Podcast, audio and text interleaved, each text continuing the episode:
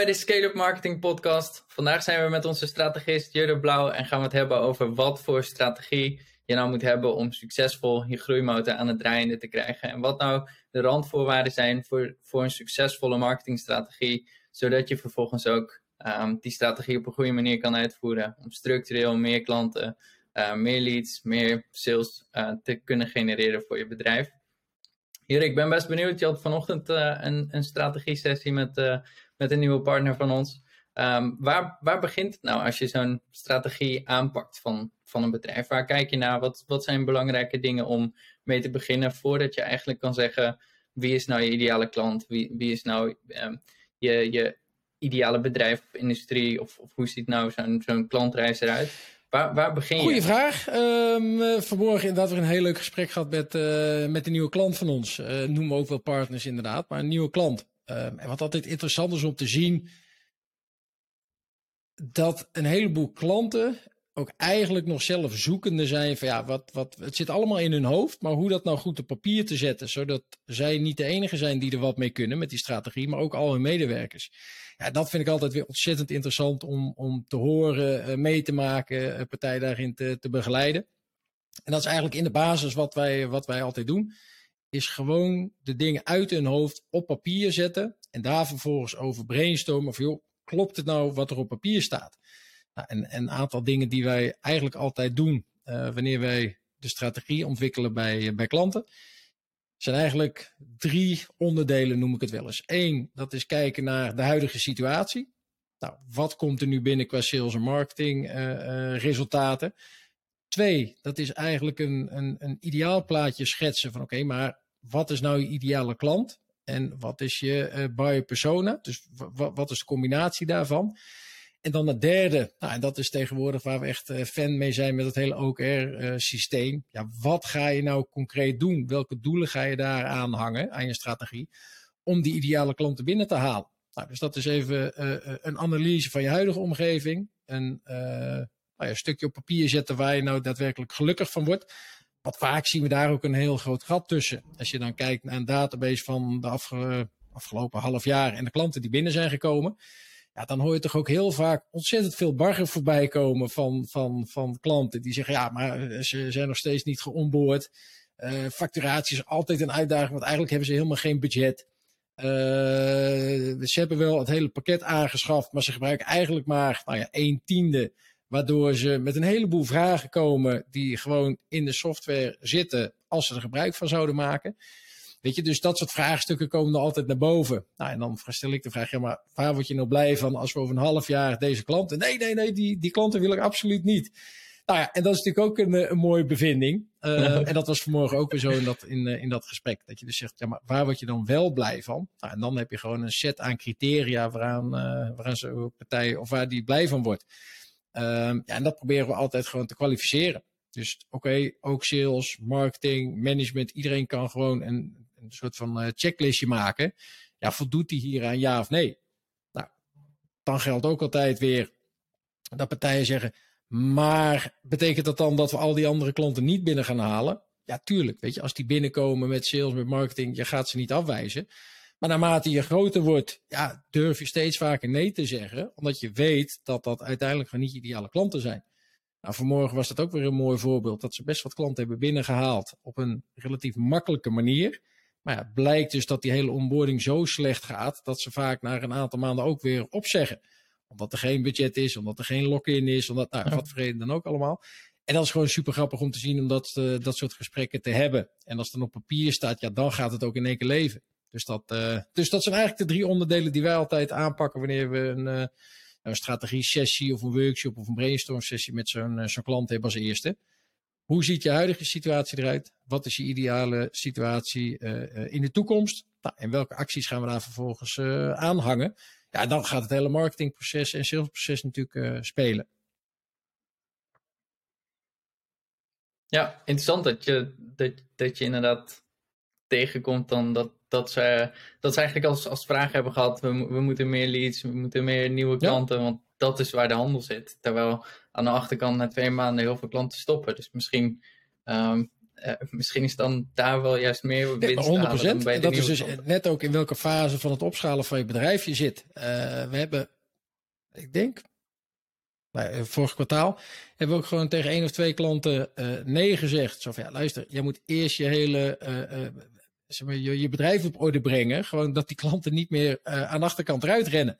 Want ja, we kunnen aan de voorkant nog zoveel nieuwe klanten aanbrengen. Als daar 90% zeg maar aan de achterkant uh, uh, weer vandoor gaat. Ja, dan krijgen wij dat hele marketing- en salesapparaat nooit rendabel. Ehm, ja, en... Nee, dat zei Ben Franklin toch? Dat ook al heb je een groot uh, ja, nee, ja, die lek is, dan... Uh, nee, dat is hetzelfde. Gaat, het, gaat het niet goed. En al die, uh, hoe zeg je dat, clichés zijn daarom ook waar. Um, het is veel goedkoper om een klant te houden. En het is veel duurder om een nieuwe klant binnen te halen. Ja, weet je, en, en dat, dat besef, ja. ja. dat proberen wij toch ook wel bij klanten naar binnen te brengen. Dat ze uh, vaak natuurlijk zeggen, ja, ik moet meer klanten, ik moet meer klanten. Nou, doe je zo'n analyse. Uh, maar dan hebben we het dus ook over klantlevensduurwaarde. Dus ja, hoe lang blijft een klant bij jouw klant? Uh, wat is de gemiddelde ordewaarde? Weet je, al dat soort zaken. Wat zijn je acquisitiekosten nu? Ja, allemaal om in kaart te brengen van zijn dat nou wel de klanten die je wil hebben. En uiteindelijk leveren ze ook gewoon geld op. Dus dat... Ja. Nee, en... en en, en nu, nu heb je het mhm. specifiek over de, over de klanten, de, de, de klanten zelf, maar dit, dit is dan toevallig een, een softwareplatform met, met heel veel verschillende producten daaraan hangen eigenlijk. Um, daarnaast zitten er ook nog wat, wat hardware dingen tussen, um, optioneel. In de B2B komen, we, komen wij dat veel vaker tegen, dat, dat bedrijven meerdere proposities naast elkaar hebben. Um, en, en hoe weet jij, of hoe kom je er nou achter welke van die proposities je als eerste uh, wil gaan vermarkten? Het 9 van de 10 keer begint het ook weer met een klantvraag. Dus kijk nou eens naar wat de klanten willen en niet wat jij wil of kan. Weet je, ook heel vaak uh, krijgen we het horen uh, van klanten, nou ja, product A kunnen we het makkelijkst verkopen, want daar hebben we een hele grote voorraad van. Ik noem maar wat. Ja, als de klanten daar niet op zitten te wachten, ja, is het misschien handiger om toch iets anders te kiezen. Weet je, een andere propositie. Nou, en dat is altijd waarom wij uh, dus ook dat ideaalplaatje schetsen van je uh, ideale klantprofiel. Nou, dat is het bedrijfsprofiel of je ideal customer profile, ICP eh, genaamd. Um, en je buyer persona. En dat werkt eigenlijk als een soort van filter, zeg ik wel eens, op je totale doelgroep. Dus stel, er komt een lead binnen op je, op je website, of jij staat op een beurs, of nou, wat, wat dan ook. Doe eerst die check eens. Voldoet het wel aan je ideale klantprofiel? Nou, en je kan natuurlijk verschillende ideale klantprofielen hebben voor verschillende proposities.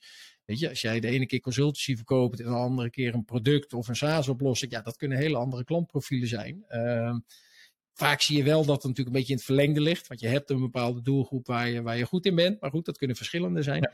En daarnaast ga je kijken van welke persona heb ik nu mee te maken dat breng je allemaal in kaart. Dus dat kunnen verschillende persona's zijn. En dat zijn eigenlijk de klantreizen binnen zo'n ideal customer profile.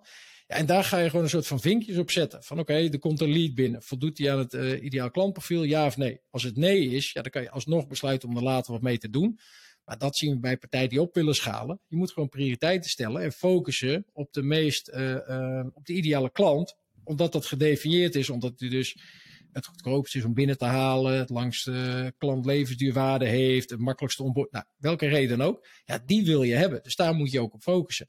Nou, en dan het tweede is de buyer journey. Uh, um, en dat is die klantreis. Ja, en daar ga je natuurlijk gewoon naar kijken. Wat, wat kunnen wij doen om zo'n klant zo goed mogelijk te helpen met de vragen die hij heeft in dat hele proces.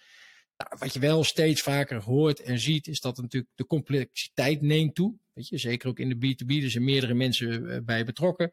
Uh, nou, dat is de hele discussie over demand generation. Het kan best zijn dat een, ik noem maar wat, een stagiair een podcast heeft gehoord en die uh, zijnt iemand anders in die zegt, joh, er is nou toch een toffe oplossing.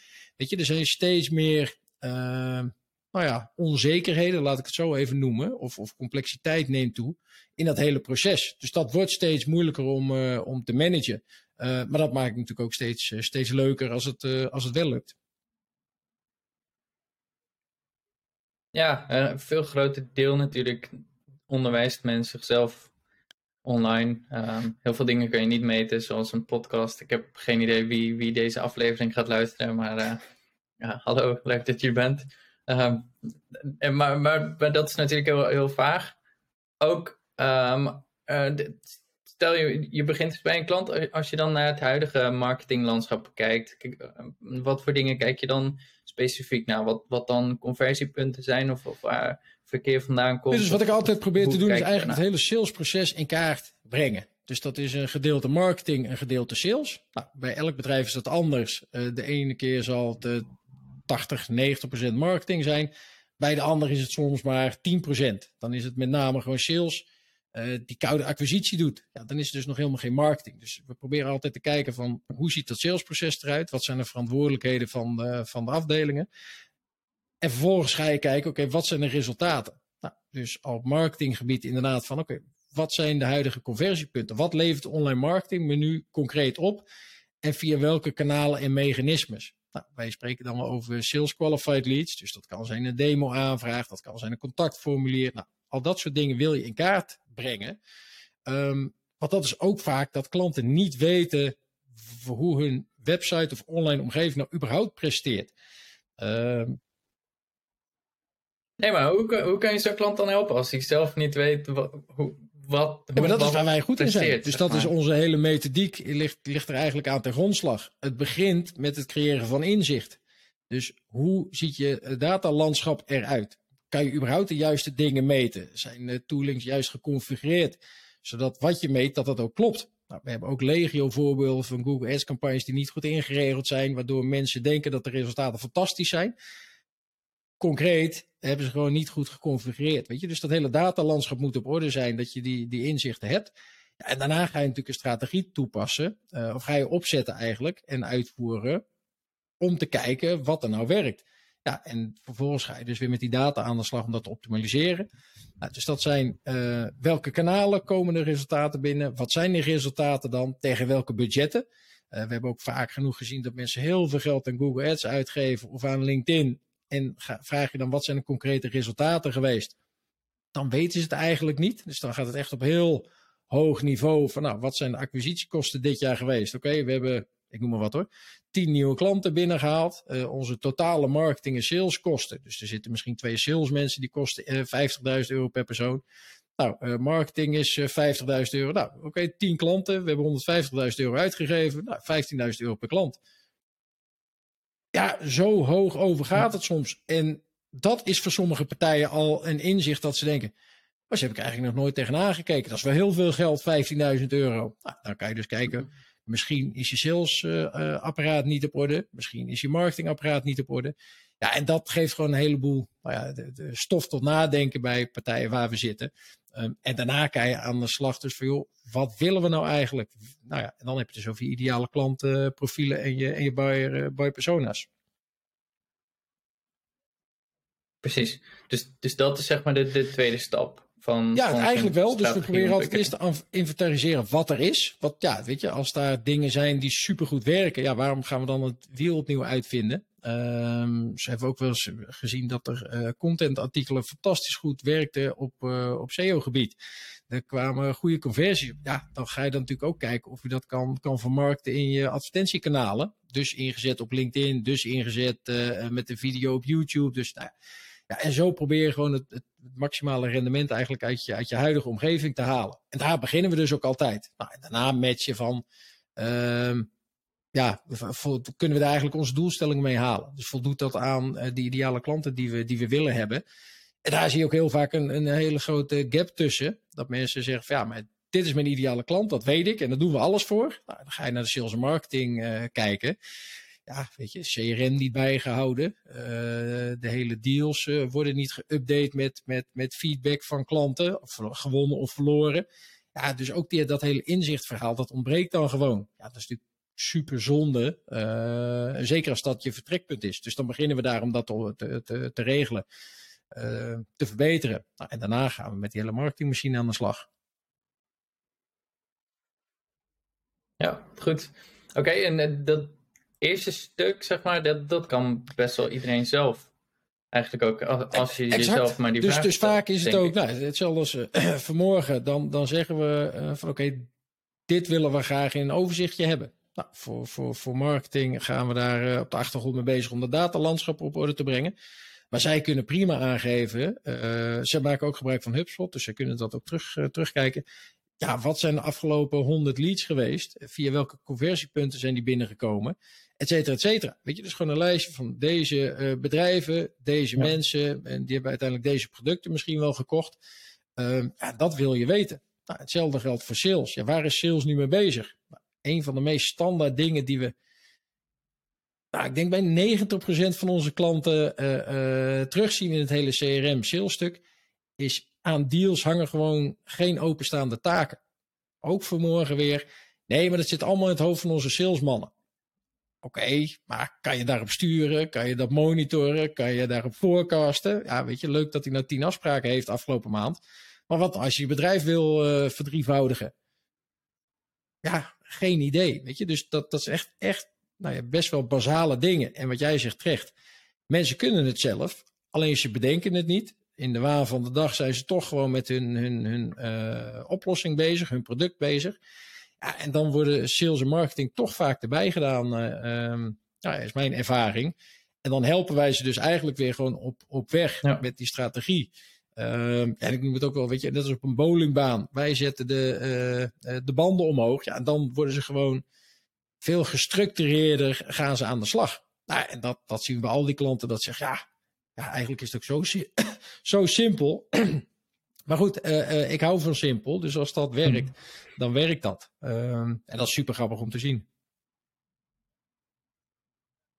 Ja, wat goed.